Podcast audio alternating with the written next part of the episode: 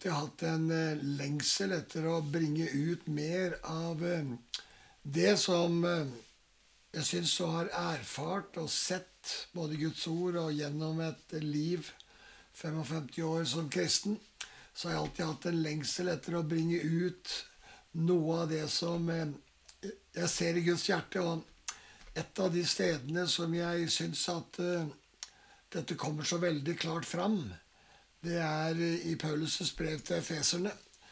At det er et brev akkurat til menigheten i Efesus, er ikke sikkert, for det er sannsynlig at det var mange rundt omkring på der som, som fikk tilgang på dette brevet her. Men det er et fantastisk brev, og eh, gir, har alltid gitt meg veldig mye å lese dette brevet.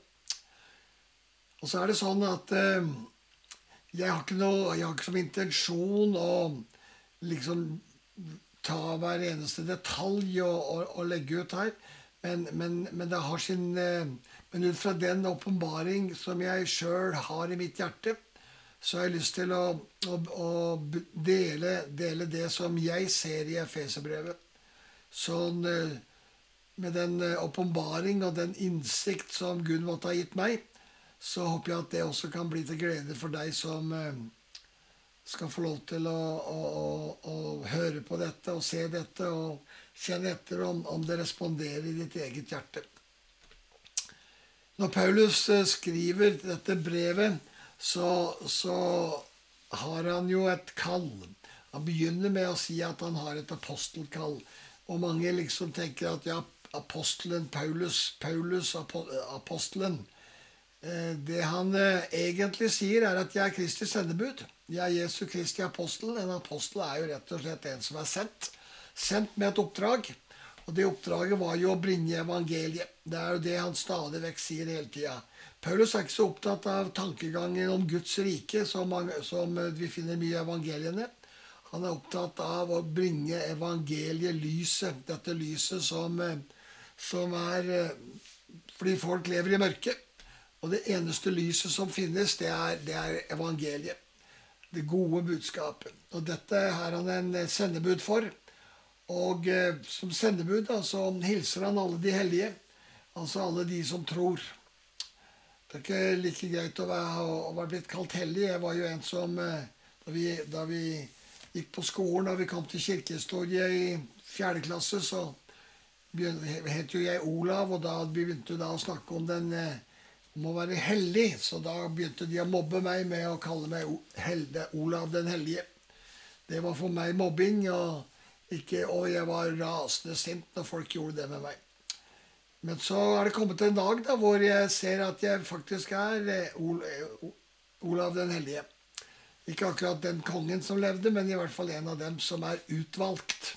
For det er jo det det betyr hellig. Det betyr å være utvalgt. Det betyr å være satt til side for å, for å være noe helt annet. Og i, evangelienes forstand så er det de som er tatt ut av denne verden, den, hvor denne verdens Gud rår, for å satt, bli satt inn i den, vår elskede Sønns rike og få lov til å være i dette fantastiske nye riket og erfare alt det som det innebærer.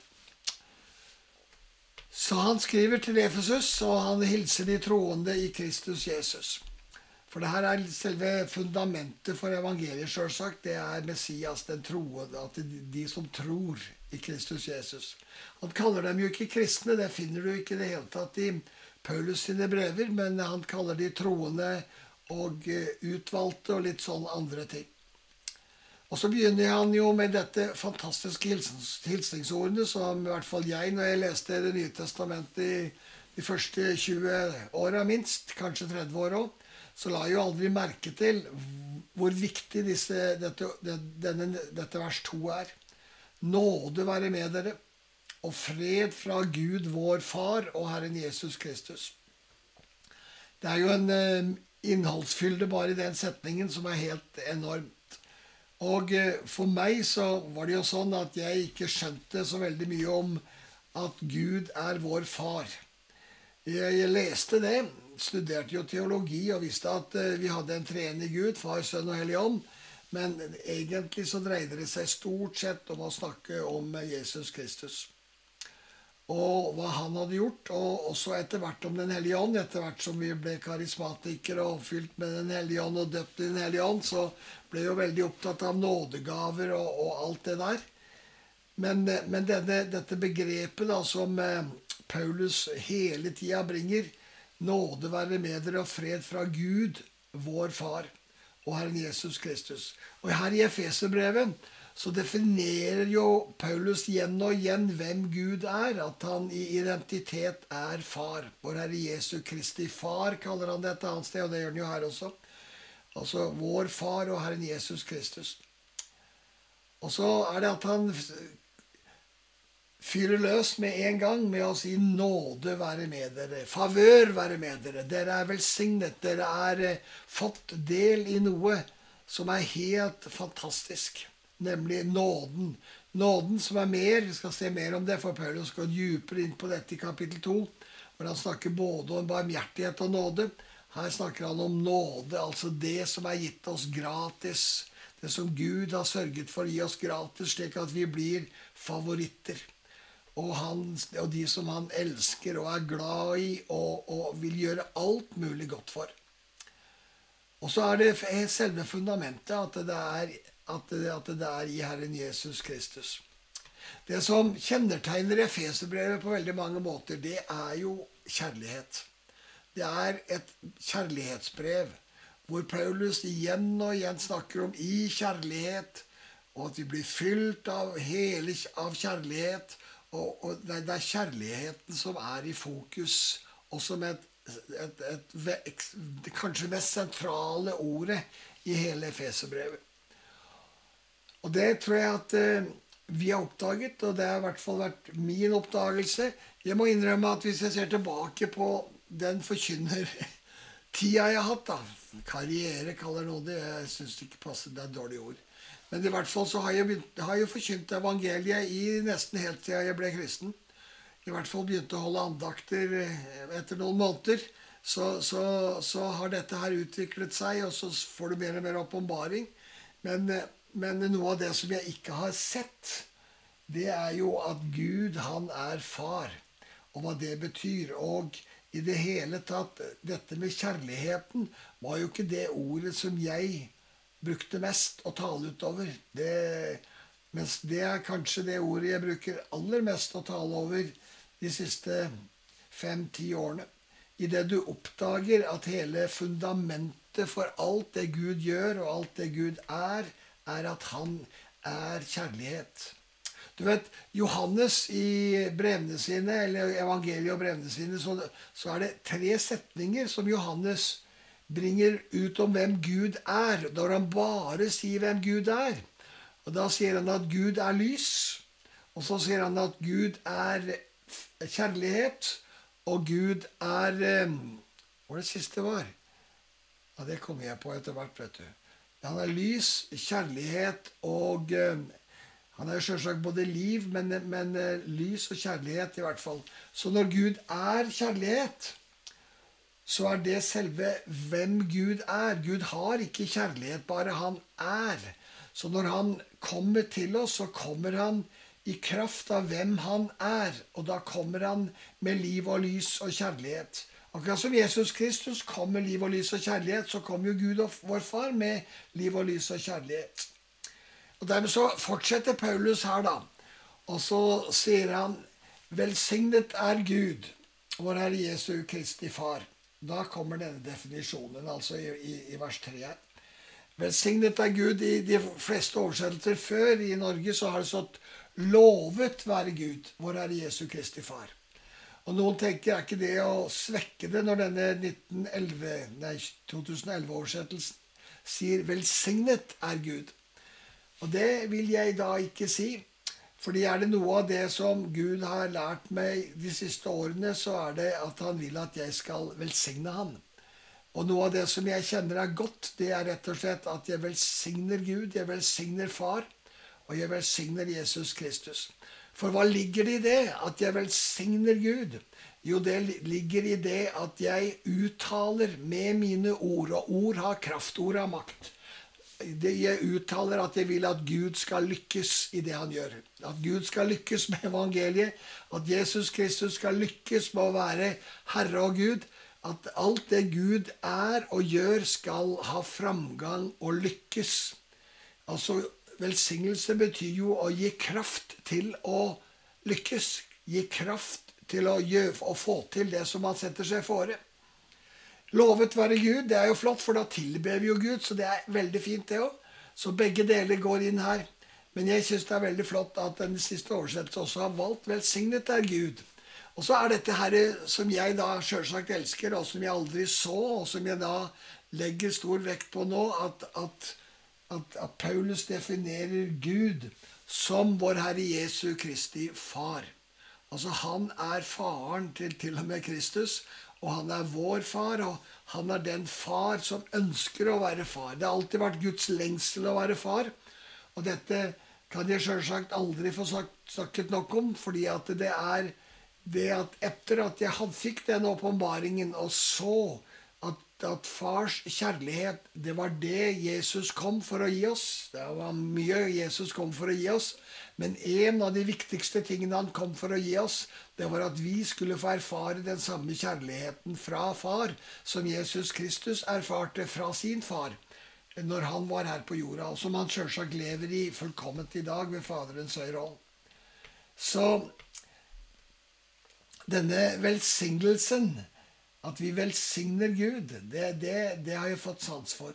Og jeg har fått også sans for at jeg ikke trenger så å be om å bli velsignet, for jeg er jo velsignet. Og det er jo noe av det som står her videre, som vi kommer til om en liten stund, at vi er jo Vi har fått all velsignelse i ånden, vi. vi. Vi trenger ikke å tygge og be om det vi allerede har fått. Eh, når du allerede har fått noe, så er det det beste du kan gjøre, det er å si takk. Takk for at du har velsignet meg i Kristus Jesus. All åndens velsignelse, står det her, er gitt oss. All velsignelse i himmelen, altså det som finnes i den himmelske verden. Og den himmelske verden, det er der hvor Gud rår ubegrenset. Det er der hvor Han har makt, og det er der Guds vilje skjer. Og det er, der, og det er den velsignelsen som er gitt oss til del i det Jesus Kristus gjorde for oss. Og dermed så kan Far velsigne oss med all velsignelse som vi trenger. Det er så innholdsrikt, dette her, og så mettet, at det er helt fantastisk. Og så når vi kommer til vers 4, da, så står det at i Kristus utvalgte han oss før verdens grunnvoll ble lagt. Noen ganger så har jeg tenkt hvordan kan det ha seg at eh, Paulus sier dette? For han kunne jo ikke vite det med sin, e, med sin egen erfaring. Men vi vet at Paulus han var jo stadig i himmelen, og, og eh, der fikk han se ting som han ikke engang har lov å snakke om. Og jeg tror at en av de tingene som han fikk en åpenbaring om, og som Kristus ga han en åpenbaring om For i Galaterbrevet så sier jo Paulus at, at all den, alt det han forkynner, og alt det han deler, det har han fått personlig fra Kristus. Hvis du vil finne ut det, så står det i Galaterbrevet 1, 12 og 13. Og, og i og med at at alt dette er åpenbart for eh, At alt dette er, er, til stede. Og Paulus hadde denne åpenbaringen, så, så, tror jeg at da, i en eller annen situasjon så fikk Paulus se at før verdens grunnvoll ble lagt, altså før universet ble skapt, før denne jorda ble til, og før mennesker sjølsagt ble skapt, ja, før alt dette så, det, så, så, fikk han se inn i en hemmelighet. For Paulus snakker jo om disse hemmelighetene. Og en av disse hemmelighetene var at, var at før Gud gjorde alt dette, så i sitt hjerte, i sitt sinn, så skapte han millioner, milliarder av mennesker i sitt hjerte. Og så ville han se disse menneskene bli født, og så skulle de få lov til å være til hans ære og til hans herlighet. Og dette skjedde altså før verdens grunnvoll. For vi, vi, tenker gjerne at, at, sånn som når vi leser selvsagt første Mosebok kapittel 1, 2 og 3, så tenker vi at Gud skapte jorda, alt dette, og det er sant, det. Og så skapte han mennesket til å satte mennesket i Edens hage. Og det er, klart, det er, jo sånn det foregikk. Men, men i Guds hjerte, i hans hjerte, sier Paulus, så var mennesket allerede skapt. Og det fantastiske er at du og jeg, vi ble formet i Guds sinn, i Guds tanke, i Guds hjerte, før verdens grunnvoll ble lagt. Altså, for, for hvor lenge siden? Det er ikke, aner ikke jeg, men det vil si det er, det er, det er veldig lenge siden. Så var det en dag Gud tenkte at nå vil jeg realisere alt dette her. Og så begynner han med å skape Adam, og så skaper han Eva, og så vet vi at, at menneskeslekten kommer ut fra det. Og alt det som har skjedd eh, rundt det, det vet vi også. Det kommer jo stadig tilbake til når vi, når vi, ser på dette her. Men akkurat nå hadde jeg lyst til at vi skulle få se inn i dette mysteriet. At før verdens grunnvoll ble lagt, så hadde Gud tenkt på oss. Og det Gud da gjør, det er at når han, før han da vil at alle disse menneskene som er i hans sinn og i hans tanke, så, så, så skaper han et sted for oss. Og han skaper altså jorda. Han skaper det som, som vi lever i, og det som, omgir, det som omgir oss. All den skjønnheten. Og eh, akkurat nå så, så er det vakkert ute. Nydelig sol og vakkert på alle måter. Naturen viser seg fra sin fineste side. Og dette åpenbarer jo hvem Gud er, og, hvem Guds, og Guds skjønnhet. Og så sier han at i Kristus utvalgte han oss før verdens grunnvoll ble lagt, til å stå for Hans ansikt, hellige og uten feil. Og hvordan skulle vi kunne stå hellige og uten feil? Det er jo umulig. Umulig for mennesker som har da vært på grunn av syndefall og alt det der. Så, så ble det jo umulig for oss å stå uten feil og uten lyte. Så vi trengte en frelser. Vi no, trengte noen som kunne gjøre noe for oss som var helt annerledes. Som kunne fri oss fra denne verden og alt det som er vondt og vanskelig i denne verden, og sette oss inn i Kristus Jesus og slik, fordi han gjorde det som vi ikke kunne gjøre, så her, så er vi ulastelige og uten feil og uten lyte. Det er jo det utrolige ved evangeliet, altså at, vi, at han gjør alt. Gud gjør alt, og vi får lov til å ta imot. Og noe av det kanskje det fineste og, og, og flotteste som jeg har opplevd de siste særlig ti årene, er jo at det, noe av det viktigste jeg gjør, er å lære å ta imot. Ta imot det som Gud har gjort. Det som Jesus Kristus har forberedt. Det som er lagt til rette og at vi og jeg og du som er i Kristus Jesus, kan få lov til å drikke inn fars kjærlighet. Fordi far elsker oss. Han elsker oss med en ubegrenset kjærlighet. Og det har Jesus åpenbart. Jesus har åpenbart Guds kjærlighet gjennom hele livet, hele det livet han levde. Alt det han ga for oss. Og at far også ga sin sønn for oss Alt det åpenbarer at vi er i kjærlighet. Og det er det som eh, vi beveger oss videre inn i. At vi skal få lov til å bevege oss i kjærlighet. Og dette, dette kjærligheten og alt dette som ligger i det, det kjenner jeg at uh, disse her eh, avsnittene som, nå, som, jeg taler i nå, de skal ikke være lange. De skal være sånn 15-17-18-20 minutter. Derfor så avrunder jeg her nå med å si det at, eh, at eh, Og der kommer vi til å begynne neste gang. At i kjærlighet og etter sin gode vilje avgjorde han på forhånd at vi skulle være noe fantastisk. Vi skulle få være barn, vi skulle få være sønner. Så tygg litt på det, og drikk inn det, at du er elsket. Du får lov å være sønn, du får lov å være datter, du får lov å være en som er elsket av en far som har gitt sin egen sønn for at du skulle få lov å erfare hans kjærlighet og få lov å komme hjem. Så jeg velsigner deg med det. Og så avrunder vi der. Amen.